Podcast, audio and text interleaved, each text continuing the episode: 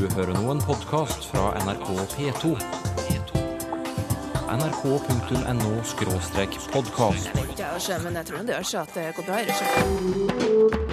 Nei, Du skulle vært en helt annen.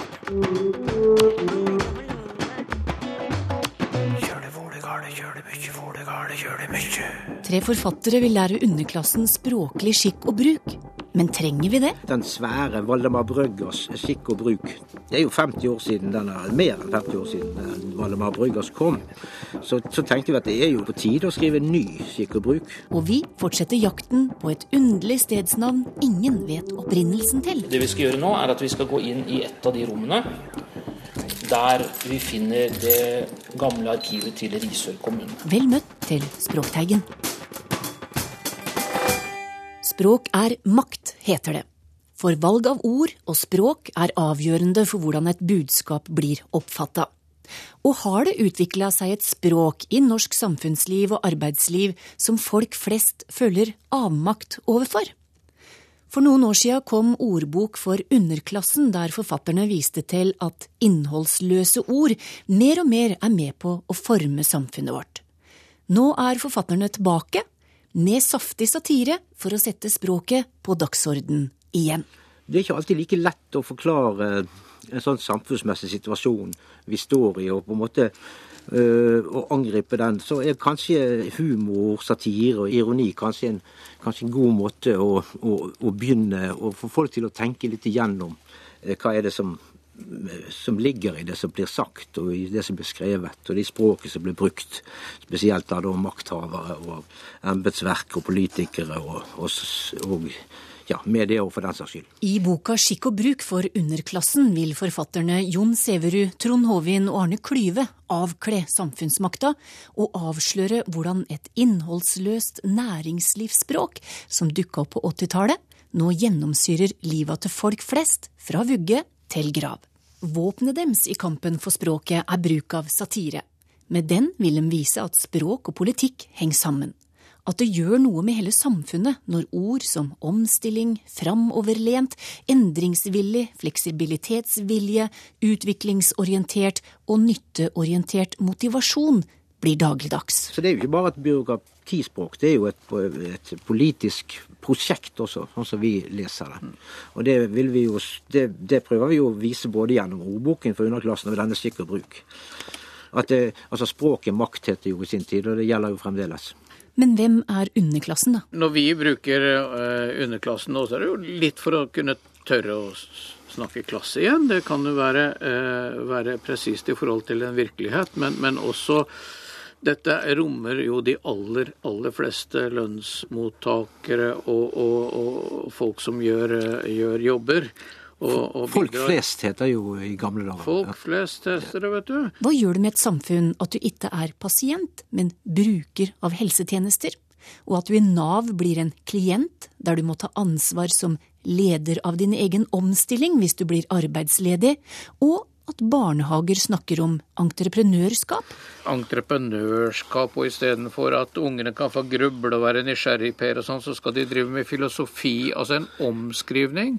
Eh, og, og språklige dyner da, som legges over, eh, over ungenes liv eller eksempler henta fra norsk skole. Skolebøker blir pådyttet ord som førforståelse, lesemål, førelesningsstrategi, kolonnenotater og Venn-diagram og Wøl-skjema og tekstbinding og språkhandling og metakognisjon.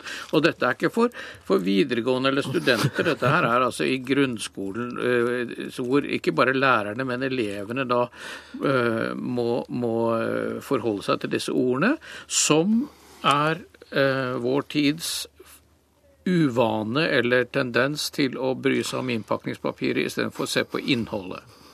Så har jo vi jobbet så lenge i, i, i skolen at eh, ordet klasse jo, ble jo på et visst tidspunkt borte. Man skulle ikke lenger være en del av en klasse, man skulle være en del av en eller annen type gruppe gruppe eller eh, trinn eller, eller, noe annet.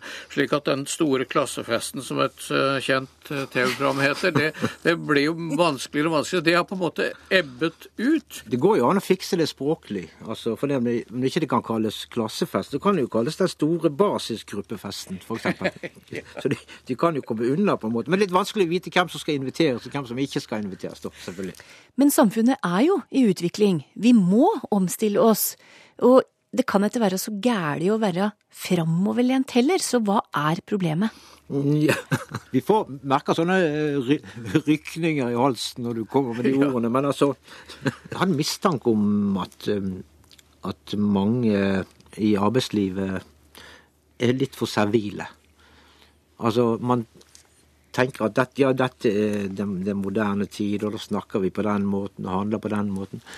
Så eh, så jeg skulle jo ønske noen ganger at uh, folk i salen noen ganger reiste seg opp og skrek nei. Hva, hva er det du mener med dette tåkepratet? Altså, Vi vil jo både bruke og hente frem igjen, og også være med å skape et godt språk som er, eh, som er vanlige menneskers og underklassens eget. Egen eiendom, uh, som både, både gir, uh, gir godt språk, og som også gir selvtillit. Det sa to av forfatterne. Jon Sæverud og Trond Håvin. Det er høyresida i norsk politikk som er skyteskive her. Og kunnskapsminister Torbjørn Røe Isaksen, hva syns du? Trenger vi ei skikk og bruk-bok for underklassen? Ja, vi, vi, gjør vel kanskje det. Selv om jeg, jeg må nok innrømme at jeg syns det, det, er litt vanskelig å vite hva som er politikk, og hva som er eh, hva skal man kalle det, språksans eh, hos de to forfatterne her. Men veldig mye av det de snakker om, må jeg si at jeg også kjenner igjen. Eh, jeg har hørt uhorvelig mye tåkeprat. Veldig mye av dette handler om delvis at fagspråk går inn i dagligtalen, eller i hvert fall trenger gjennom inn i måten vi snakker på, alle sammen. Så handler det mye om denne bølgen av sånn både managementbøker og coaching og inspirasjonsforedrag, som jo bygger på en slags sånn filosofi om at det er, det er, du selv. Det er å tenke positivt og være blid og alle disse ting. Ta ansvar for sitt eget liv, som er det avgjørende. Ja, Det er jo der forfatterne sparker mot høyresida og sier at det er dere som er talsmenn for nettopp dette herre. Ja, det, Akkurat det syns jeg er litt rart, fordi at det, det, det, er et politisk poeng og ikke et uh, språklig poeng. Fordi i den grad det er, uh, det er sånn at, uh, at, en type språkbruk som handler om Hva skal man si At både fagspråk, management, coache, inspirasjonskultur har kommet inn i daglig språkbruk, så, så er nok det noe som brer om seg i alle deler av samfunnslivet. Jeg tror ikke det er forbeholdt politikere i det ene eller det andre parti. Og det er jo i hvert fall ikke sånn at det norske administrasjonssystemet svarer folk annerledes eh, basert på hvilken regjering som er der. Men du er jo enig i at det er mye innholdsløs og vanskelig språkbruk i det offentlige, så hva gjør dere med det? Jeg, jeg, har ansvar for en del av norsk språk, men en av de som har aller størst ansvar for dette, er jo faktisk kommunalministeren. Og de har jo hatt et veldig stort og omfattende språkarbeid i offentlig sektor. Mm. Klart språk. Det har vel også pågått over lengre tid. Som nettopp handler om uh, hvor, at man burde bruke eh, bruke gode norske ord, selv om det finnes adekvate synonymer og fremmedord. Syns du det nytter? Jeg, jeg, jeg tror det. Eh, fordi det handler veldig mye om bevissthet. Um, og det handler veldig mye om La meg ta et eksempel. Her, jeg legger merke til at jeg selv og mange av mine kollegaer, når vi diskuterer politiske saker, så sier vi ja, vi har dialog med den og den. ja. Istedenfor å si vi snakker med. Mm. og det er den type sånn, ord og uttrykk som Det sier egentlig ikke noe mer dialog enn å snakke med. Noen ganger så er dialog riktig å bruke, men eh, man kan veldig lett få et kunstig oppstyltet språk som i verste fall da blir fremmedgjørende og helt ugjennomtrengelig. Og det gjelder kanskje særlig når det offentlige henvender seg til folk som om alle var skolerte jurister. Eh, og, det, det kanskje, og, det, er jo særlig alvorlig i, når det gjelder helt grunnleggende velferdstjenester. Nav-systemet, skolesystemet, helsevesenet. Pensjon?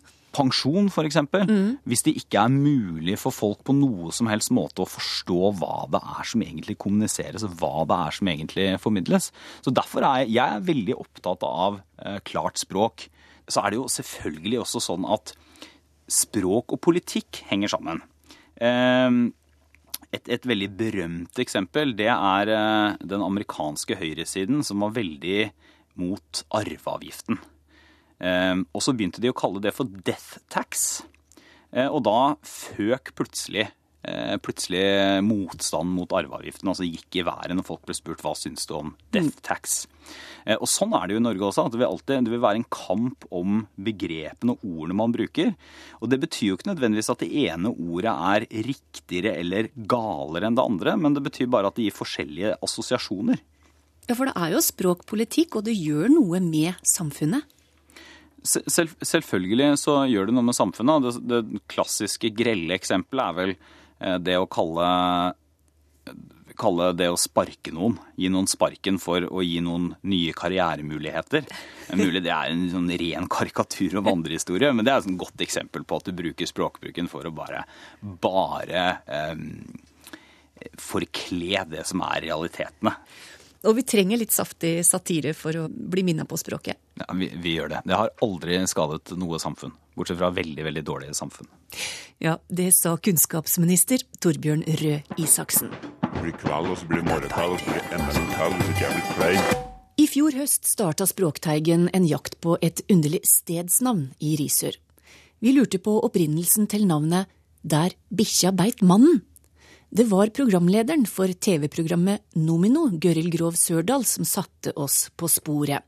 Og ganske fort plukka en avisjournalist i Aust-Agder Blad opp saken. Lokalbefolkningen har eh, slitt å lede av dette navnet i lang tid. Eh, min interesse er at dette er kjempegøy å grave i. og Prøve å finne ut av, prøve å finne en eller annen kilde som kan fortelle meg hva dette navnet kommer fra. Det er kjempegøy. Hans Petter Bjerva fulgte sporet og tok saken litt videre. De fleste som, har, som var i den navnkomiteen har gått bort, åpenbart. Den er eh, over 40 år gammel, eh, så, så det, er ikke så mye å hente der. Men eh, kanskje de skrev ned to linjer. Så min neste ledetråd da er å forsøke å finne saksforarbeidet til denne navnkomiteen. For den har jeg klart å spore opp på et museum i Arendal, så den skal jeg bort og hente. Da skal kanskje, kanskje det er en ørliten mulighet for at det ligger noe der. Der ble både papira og saken liggende helt til ganske nylig. Da tok eh, NRKs Miriam Grov tak i saken og dro til Arendal i håp om å finne svar. Nå er vi på vei ned i arkivmagasinene på Kuben i Arendal. Vi har tre Snorre Øverbø er leder for arkivavdelingen på Kuben i Arendal. Og blant annet så har vi har vi alle de gamle og historiske arkivene fra kommunene i Aust-Agder. Og foreløpig sistemann som er engasjert i jakten på hvorfor stranda innerst i Sørfjorden i Risør har fått navnet Der bikkja beit mannen. Det vi skal gjøre nå, er at vi skal gå inn i et av de rommene der vi finner det gamle arkivet til Risør kommune. Kommunene har jo drevet med veldig mye slags forskjellig virksomhet opp gjennom tiden, og blant annet så har de jo drevet med, med navn eh, i mange, mange, sammenhenger. De har jo sendt jo inn eh, hadde jo egen navnekomité i mange kommuner, og, og, og, navnene som blir grunnlag for, for de kartene og de navnene vi har på kartene i dag. Stranda har hatt det uvanlige navnet i hvert fall siden 1950-tallet, men ingen ser ut til å vite hvorfor. Altså, Med en gang jeg så det navnet, så bare tenkte jeg er det mulig? Det er jo en hel setning, og ikke bare er det en hel setning, men det er der bikkja beit mannen. Sier Gøril Grov Sørdal. Det dukker opp så mange spørsmål om meg. Altså, eh, Beit bikkja sin egen mann? Beit bikkja en fremmed? Det, fikk mannen varige men? Er han redd for hunder en dag i dag? Fortjente han å bli bitt? Altså, det, var, det, er liksom en hel historie som bare venter på å bli fortalt. Men så men så er det ingen som veit noe. For sjøl ikke programlederen i NRKs navneserie Nomino eller kollegene hos har funnet svaret. Jeg tenker at det, Om folk i nabolaget i dag ikke kjenner betydningen bak det, så er det fordi det er litt gammelt. Altså, Veldig gammelt kan det jo ikke være, fordi der bikkja beit mann, det er jo sånn vi snakker i dag. Så vi snakker ikke om et 1500 år gammelt navn her. Så eneste grunnen jeg kan komme på er at eh, de som har lagd det, og de som har begynt å bruke det, de de lever ikke lenger. Eller vi har ikke funnet det ennå. Kanskje det er noen der som vet det? Jeg veit ikke. Siden har Språkteigen prøvd å få svar. Det samme har lokalavisa Aust-Agder Blad. uten hell. Heller ikke Statens kartverk eller det lokale historielaget vet hvorfor Der bikkja beit mannen heter akkurat det. Her er jo, denne, denne boksen er jo fullstappa med dokumenter. Navnet kom på kartet første gang i 1973, når kartserien Økonomiske kart ble lagd. Den gangen foregikk det navneinnsamlinger over hele landet med egne lokale navnekomiteer. Den ligger øverst, eh, øverst på hylla her. Der i en, i en arkivboks i hylle nummer seks. Blant mange hundre hyllemeter med kommunearkiv har Snorre Øverbø på Kuben i Arendal funnet en referanse til en navnekomité som ble oppretta i Risør 1.1.1971. Så det vi, da, det vi da ideelt sett skulle hatt, da skulle vi på en måte kunne gå tilbake og så kunne vi, skulle vi finne papiret fra denne opprinnelige navnekomiteen. da. Og, men eh, det er en utfordring på det. Det er et veldig stort arkiv. Og nå har jeg gått litt over det, men jeg kan ikke finne noe. Men Øverbø er ikke mannen som har tenkt å gi opp. Nei, jeg syns dette er en veldig eh, artig sak, og, så jeg tenkte å lete videre. Jeg skal se noe videre i formannskapsprotokollene for den aktuelle perioden, og jeg skal også se etter i protokollet fra, fra teknisk utvalg fra begynnelsen av 70-tallet. Så skal jeg se om jeg kan lete etter spor etter den navnekomiteen fra Risør, og jeg kan se om jeg kan se noen spor til hvor, hvor det kan ligge hen i arkivet. Jakten fortsetter altså, og Språkteigen har òg fått et lite spor til å snuse i, så muligens kan jeg si fortsettelse følger. Mat må vi ha, men hva heter stedet der vi lagrer maten før i tida? spør Liv Cecilie Hauge i dagens runde med lytterspørsmål. Er det spiskammers eller spiskammers? Eller kanskje er det bare kammer? Altså spis eller spiss, og kammers eller kammer. Hva sier du, Toril Oppsal? Eh, Jeg sier at spis med en S og tilknytninga til mat er helt korrekt. Jeg lurer på om denne ekstra S-en som noen kan finne på å skrive, det blir litt feilaktig, men som vi sier, det handler nok om denne konsonantforbindelsen sk, spisk. Det, det det er vanskelig å si spiskammers. Eh, Jeg opplever det i hvert fall som litt vanskelig, og jeg står fram og sier spiskammers, men, men det er spise. Dette her er et rom, kott eller skap til å lagre matvarer i. Og kanskje særlig så forbinder vi dette med tida før kjøleskapet kom. Men det som kan være litt interessant, er at spiskammers veldig tidlig også blir brukt metaforisk. Det blir brukt om et stort forråd av fødevarer eller mat. Der et land f.eks. omtales som et spiskammers for omkringliggende land eller makter, og havet blir ofte kalt for et spisskammers i norsk litteratur. Men kammers og kammer, de er ikke helt overlappende. Du kan bruke både spiskammers og spiskammer, men du kan bruke kammer til ting du ikke kan bruke kammers til, og motsatt vei. Skal vi prøve å nøste litt i den også? Ja, takk. Ja, fordi kammers det brukes nesten utelukkende om dette rommet. Eh, rom her i betydningen værelse eller kott. Mens kammer bruker du også om hjertekammer.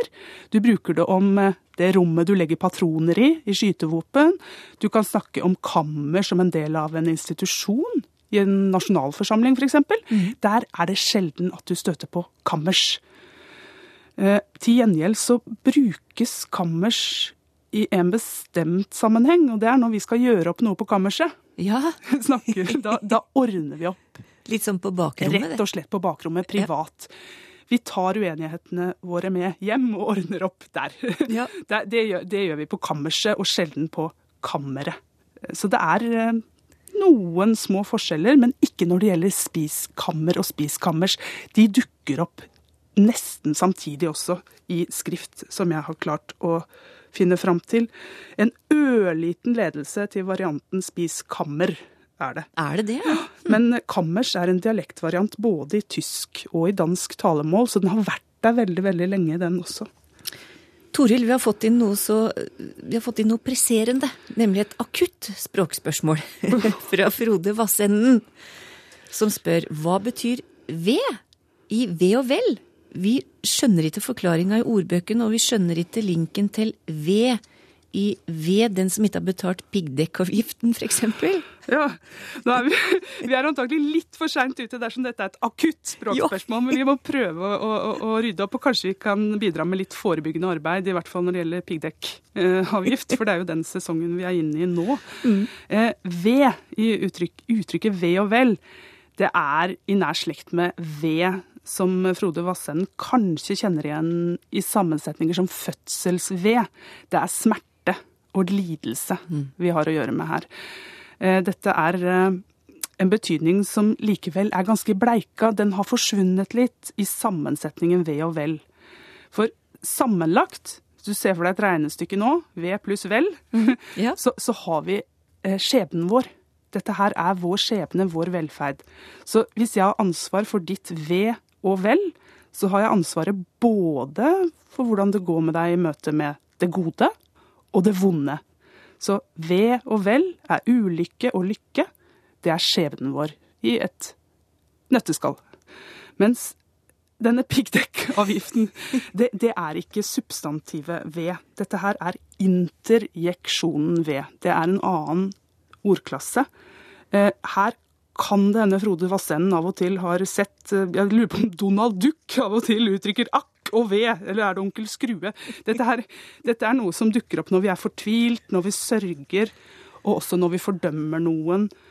Eh, F.eks. den som ikke har betalt piggdekkavgiften. Og underforstått så sier vi at den går det ille. Ved den som ikke har betalt piggdekkavgiften. Eh, og dette her utropet, denne interaksjonen ved, den har paralleller både i norrønt og i latin, og lignende uttrykk finnes i gresk, og jeg lurer på også om sanskrit er nevnt. Så det å gi uttrykk for både kroppslig og sjelelig smerte, det trenger vi. Og da har vi et godt ord. Vi har ved. Turi Matre har òg et eh, veldig kort og greit spørsmål. Sint som en tyrk. En kollega fra Tyrkia lurer på om dette uttrykket har noe med Tyrkia å gjøre? Da er det jeg hadde nær sagt en, både en glede og, og, og, en liten sorg å, svare kort, uh, Torunn. Ja. ja. Oh. Dette her har definitivt med Tyrkia å gjøre, fordi tyrk er et forelda ord nettopp for tyrker. Men, men, det har ikke så mye med dagens Tyrkia og dagens tyrker å gjøre. Dette er det historiske. Der vi kan snakke om flere nomadiske folkestammer i Sør-Asia, eh, hvor én av dem grunnlegger det osmanske riket.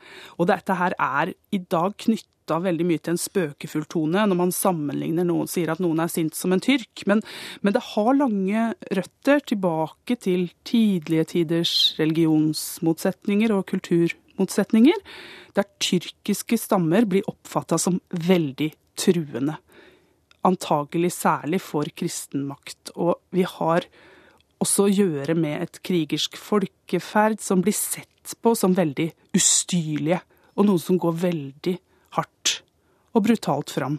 Så er du sint som en tyrk, da er det like før du eksploderer.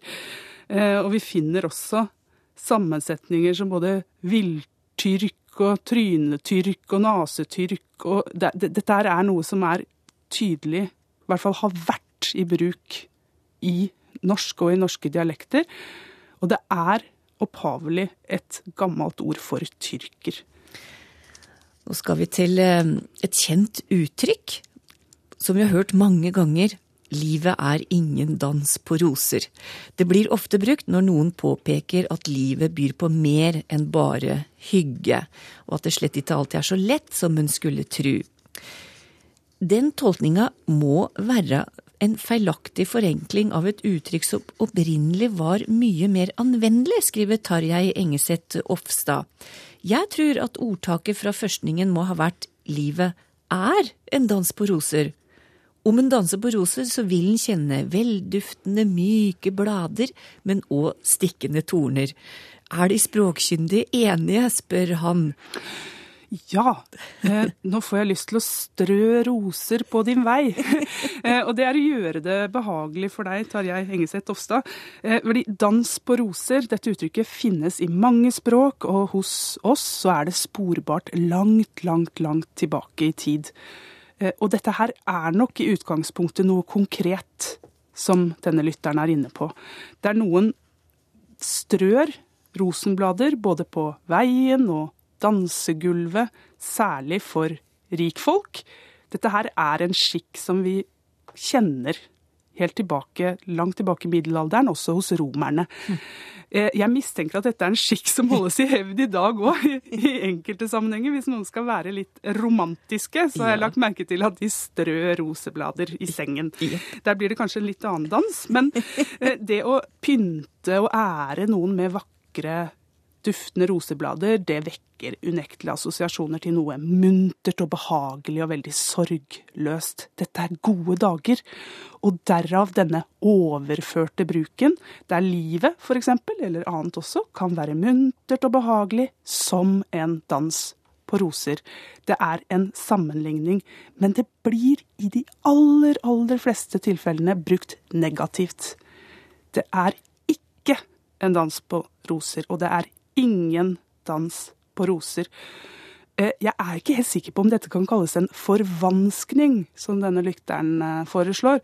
For, for vi har igjen et veldig effektivt og sterkt bilde, der det er selve denne sammenligningen som gjør det så veldig treffende. Eh, Så lytteren har nok rett i at dette er noe konkret, men dette bildet som er i bruk, og har vært i bruk veldig, veldig lenge, det har nok vel så ofte vært negativt som positivt uttrykt. Janne Beate Utåker kommer med et par ord her som hun lurer på hva betyr. Det er brask, og det er brasken. Og hun tenker på uttrykket med brask og bram, og ordet pannebrasken. Og kanskje brukes brask i andre sammenhenger òg, men hva betyr det egentlig, spør jeg. Ja, eh, brask kommer trolig fra nedertysk, som så veldig mange andre ord vi har. Eh, Jeg gjetter, og flere enn meg gjetter også, at dette er et lydord. Og det klinger jo veldig flott, da. Brask. ja. Og det betyr, i en brask, både skryt og bråk. Og i dag så bruker vi det stort sett bare i uttrykket brask og bram. Men vi har også ett brask. Et uh, nøytrumsord, stort sett. Og det er tørre kvister. Og her kan vi igjen få denne lydassosiasjonen, for når det knaker i tørre kvister, så høres det nesten ut som brask, gjør det ikke det? Eh, Og dette kan igjen bli brukt om skrot og søppel og andre brasker. Eh, En brask kan jo også være en person som skryter og bråker og gjør ganske mye av seg. Så verbet braske uttrykker noe av det samme. Og der har vi en som stikker seg fram, og kanskje pannebrasken kommer derfra. Det er i hvert fall en eh, mulighet å tenke i den retning. Så kan jeg si f.eks. at han var litt av en brask? Ja, det syns jeg. Det er ikke ofte i bruk, men du har god dekning for å gjøre det. Da lærte du i alle fall et nytt ord. Og du får flere spørsmål med svar fra Toril Oppsal i en egen podkast som heter Lytterne spør Språkteigen. Og den finner du på nrk.no podkast. nrk.no podkast.